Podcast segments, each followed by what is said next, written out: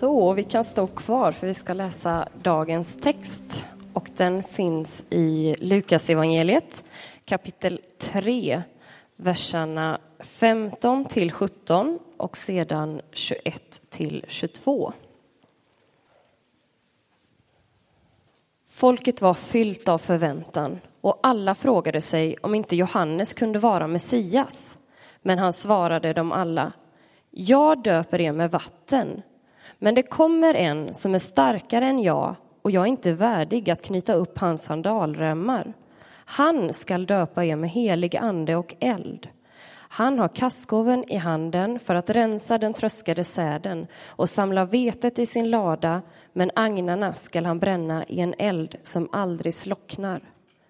När nu allt folket lät döpa sig och Jesus också hade blivit döpt och stod och bad öppnade sig himlen och den heliga anden kom ner över honom i en duvas skepnad och en röst hördes från himmelen.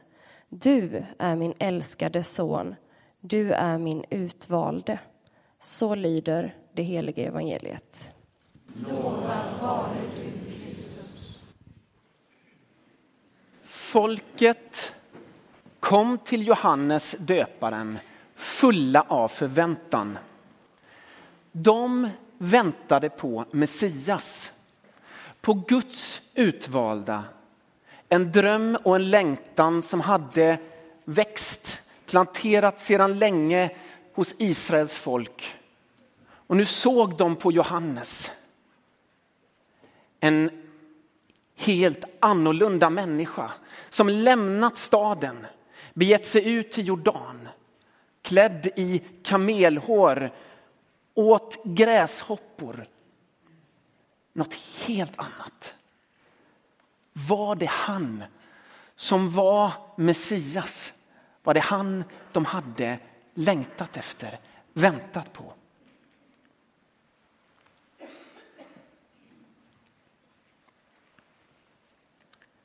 Johannes döparen hör deras fråga och det är som att han säger, ja, jag vet, jag är annorlunda.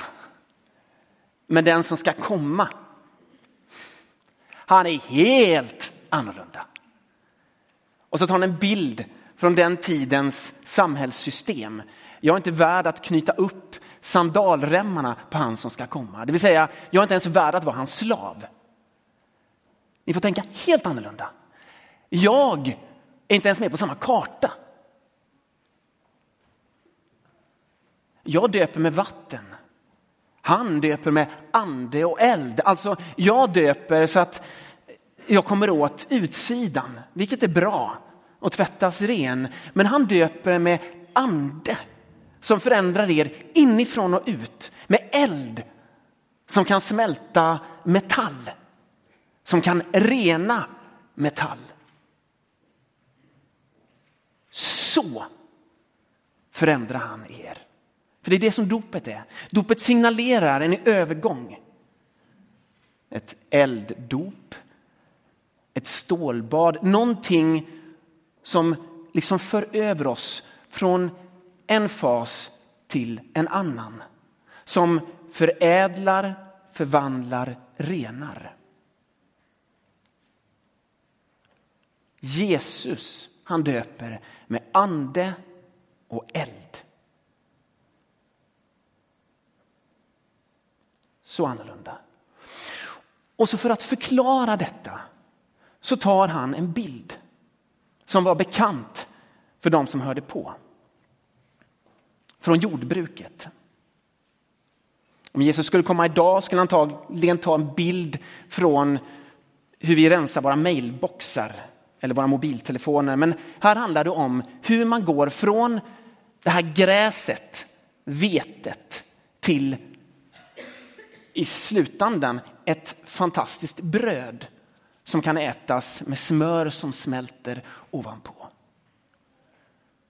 Han tar inte hela den processen, men en del av den processen. Hur går man från säden som har växt upp och bildat de här fina axen. Vi har vetet här. Typ. Stråna och så axeln och axeln, de är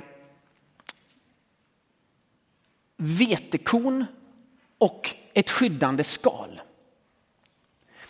För att vetekornet ska kunna växa i lugn och ro och skyddas från eh, köld och alltför stark vind och sådär, så finns det här skalet kring vetekornet. Och då är konsten, hur gör man sen för att få fatt i det som ger näring? Det som kan bli till bröd.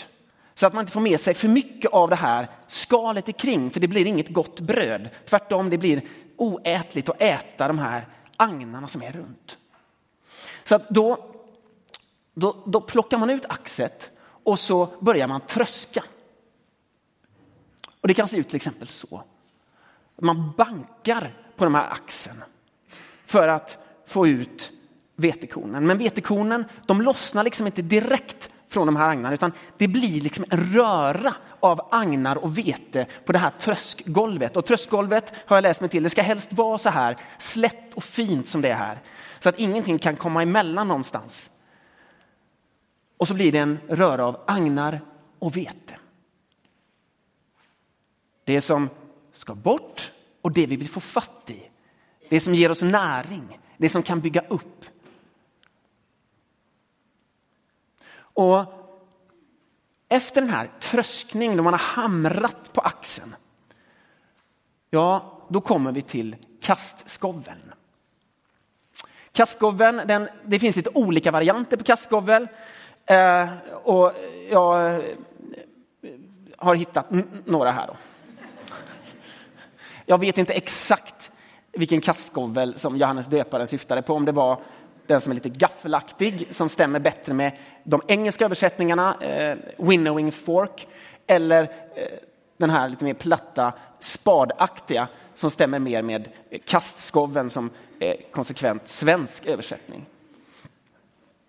Poängen är, oavsett vilken design du väljer, när du ska försöka sära på agnarna och vetet, så är poängen att du fångar upp den här röran av agnar och vete, kastar upp den och då har du valt en plats som är lite utanför byn så att vinden kan komma på. Om du då kastar upp det här, då är det så finurligt att när vinden sveper förbi, då är agnarna, skalet, det väger ganska lätt. Det förs lätt med av vinden. Medan det som du vill komma åt, det väger tyngre. Vetekornet, det faller ner trots att vinden blåser.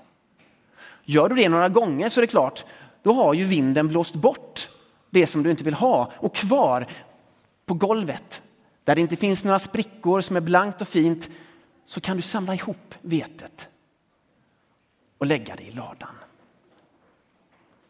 Det är bilden som åsyftas när det står att Jesus står med kastskoveln.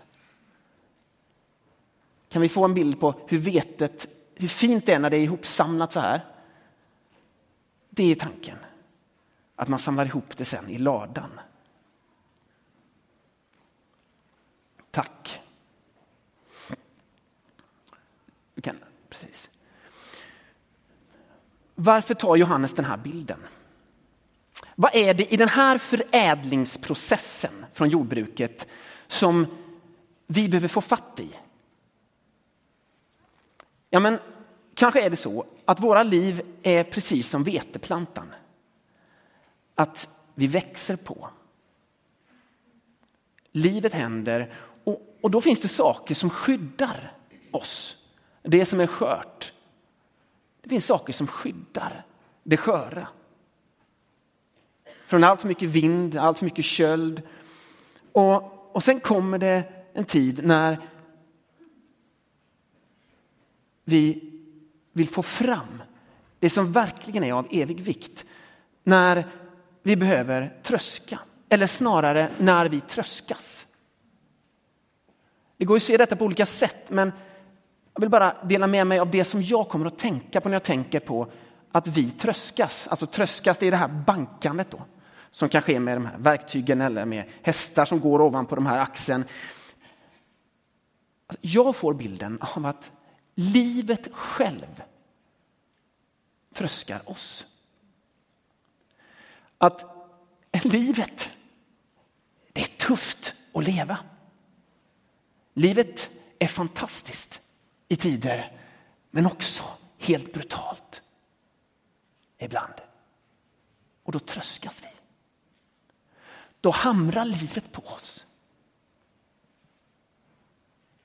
Och då, då börjar vi se vad är det som är värt något egentligen. Har ni varit med om det? Man flyttar till en ny stad. Man kanske tvingas flytta till ett nytt land. Man inleder en relation. Man avslutar en relation. Någon tas bort.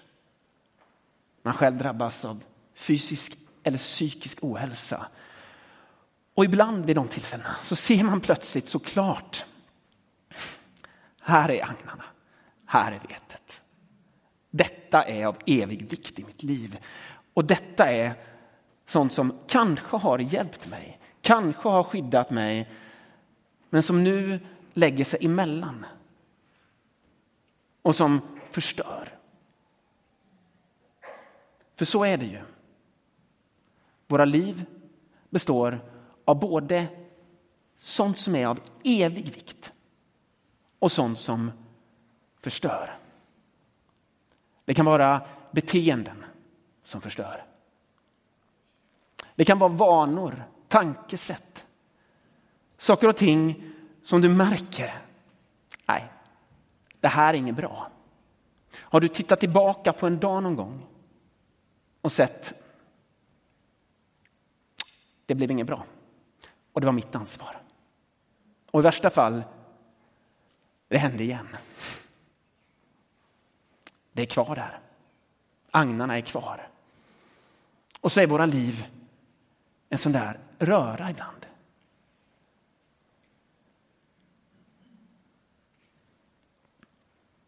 Och jag tror inte bara detta gäller oss som individer. Jag tror detta också finns på systemnivå. Tittar vi på vår värld idag så ser vi också en sån här röra. Vi ser hur saker och ting som har varit väldigt konstruktiva och positiva. Industrialismen, medicinsk utveckling, teknisk utveckling, ekonomisk utveckling, tillväxt som har lett oss till ett fantastiskt ställe. Många av oss i alla fall. Till ett ställe av hälsa, välfärd, välstånd. Och nu börjar man se hur jordklotet liksom skälver. Hur jordklotet liksom börjar feberyra. Och vi börjar se att, nej men vänta lite nu här. Här finns det saker som lägger sig i vägen. Saker som vi måste göra upp med.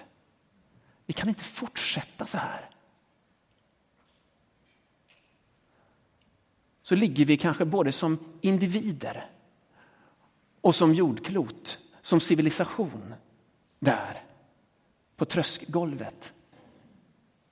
Vete och agnar ihopblandat. Och det är då Jesus kommer. Med erbjudandet om kastskoveln. Kastskoveln som många av oss intuitivt kanske förknippar med någonting hotfullt. Han står med kastskoveln, agnar och vete, en eld som aldrig slocknar. Men huvud, huvudsaken, huvudbudskapet som Johannes döparen ger här, det är hoppfullt. Det är hoppfullt.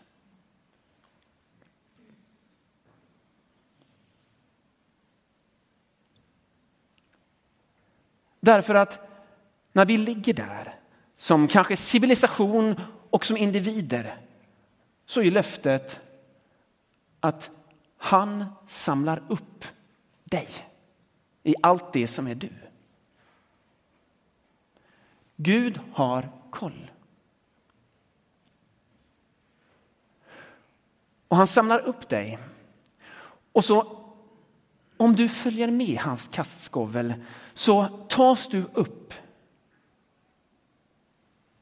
där andens vind blåser.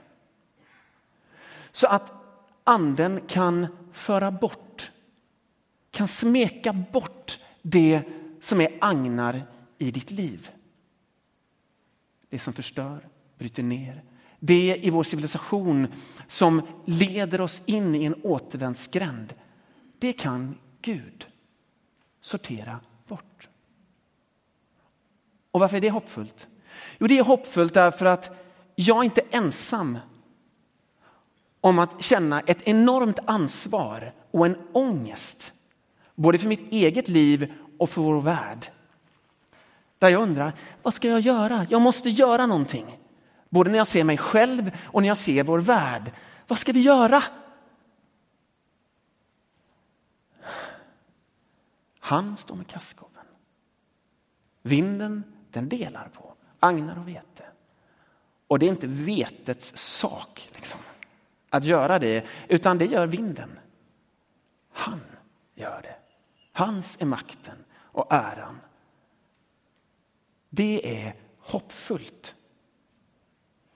Och han för dig hela vägen hem till sin lada. Där du inte längre behöver ditt gamla skydd, de där sakerna som till slut låg i vägen, utan hans lada där tak och väggar skyddar dig och allt det i dig som är av evig vikt. Hela vägen hem. Det är hoppet i denna bild.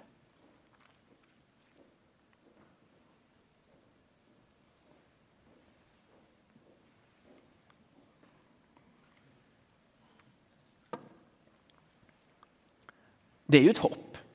Därför det är väldigt svårt att se hur det ska gå till. Om du har sett in i dig själv, om du har sett den här världen, så är det liksom otroligt. Hur ska det gå till?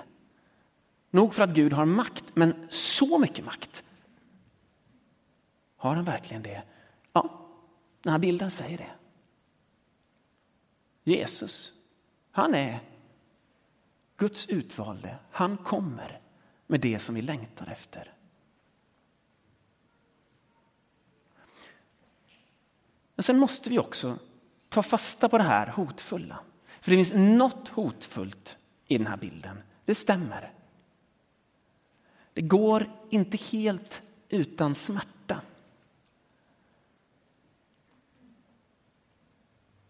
Vad är då det hotfulla? Jag tänker mig att det hotfulla är att när han kommer med sitt erbjudande, då är det just ett erbjudande. Du har fått ett ja och ett nej i din vokabulär. Du har möjlighet att säga ja, jag följer med din kastskovel upp i andens vind. Och du har också möjlighet att säga nej. Och åtminstone för mig så är det lite hotfullt att jag kan säga nej. Men varför skulle jag säga nej till det här erbjudandet? Just därför att det finns en kostnad som jag tror vi behöver sätta ord på. Och kostnaden är att det som är mitt liv har blivit mitt liv. Det finns saker där som jag måste släppa taget om.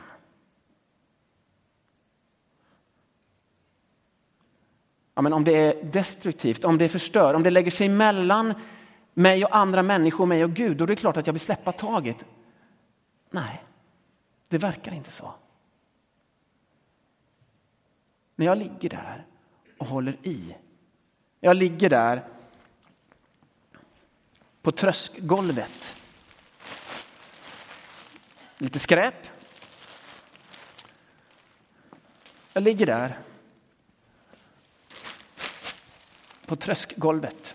Slätt och fint här va. Och så kommer Jesus och säger, Amen, låt mig föra upp det. Så kan det vara så att även om jag vet att det här ju bara är skräp. Janne Hag var på väg ut till garagets soptunna med detta. Så kan det vara så att jag har blivit så kär i det. Att jag säger nej. Därför att min själ anar att jag kommer att bli av med det här. Det kommer inte att hålla när han döper mig i ande och eld, då kommer det här att försvinna iväg. Och ofta är det mycket pråligare än så här, det vi håller fast i. Men kanske lika lite värt. Men det här är ju en bild. Det är en fin bild. Men vad betyder det konkret? Vad innebär det att säga ja till kastskoven? Att följa med kastskoven upp i andens vind?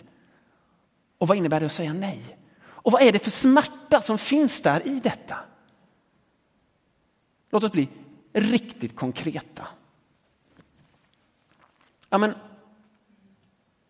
att följa med kastskoven, det är att en söndag morgon släppa en extra lång sovmorgon eller en extra lång frukost med morgontidningen och sina barn eller sig själv eller sina vänner och sätta sig på cykeln eller i bilen eller i bussen och sa sig sin kyrka. Där din själ kanske anar att du kommer att bli berörd på ett sätt så att saker och ting blir synliga. Att göra den resan, att säga ja till det, det är att säga ja till kastskoven. Och att sen när du är här, inte fly undan det som berör dig, som talar till dig. Utan kanske ta ett steg ut ur bänken och gå fram och ta emot nattvarden. Kanske för första gången. Den som gör det, det finns ett styng. Det finns någon slags smärta eller sorg också. Antagligen för att det är någonting av ens oberoende som släpps. Eller gå in till förbönsrummet. Och för en annan människa bekänna att jag behöver hjälp. Det är att följa med kastskoven upp, utsätta sig för andens vind. Och det finns också en smärta i det. Att bli så transparent inför sig själv, inför Gud och kanske en annan människa.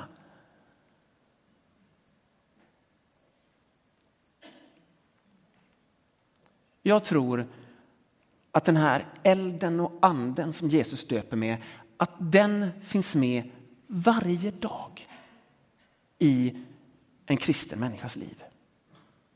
Den finns där en gång i ditt första ja. Men den finns där också dagligen. Dagligen har vi ett val att följa med kastskoven upp. För någon ser det ut så att du väljer tystnad. Vid någon tidpunkt på dagen att du väljer tystnad, att du säger nej till allt det som skyndar på. Allt det som krävs av dig eller som du kräver av livet, att du säger nej till det och blir tyst och låter anden tala till dig. Varför skulle man säga nej till det?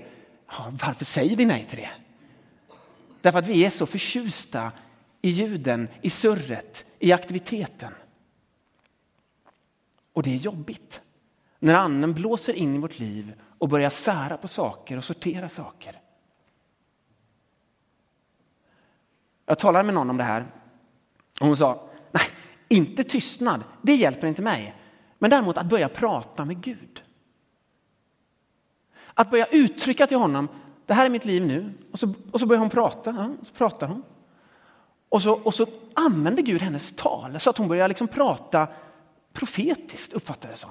Det var inte hennes ord, men att hon börjar liksom tala, kanske ibland på ett tillrättavisande sätt till sig själv. Nej, det här är inte bra, det här är inte okej. Okay. Och ibland uppmuntrande, ibland sändande och tändande. Och så har hon följt med kastskubben upp. Där anden kan använda hennes ord, hennes uttryck och kommer in i hennes liv. Nej, nej, nej, säger den tredje. Inte tystnad, inte tal. Däremot så säger jag ja till kastgåven när jag söker upp gemenskapen. När jag säger ja till husgruppen eller bönegruppen och där får bli så öppen med mitt liv att Gud får fatt i mig. Det ser ju olika ut. Så är det ju.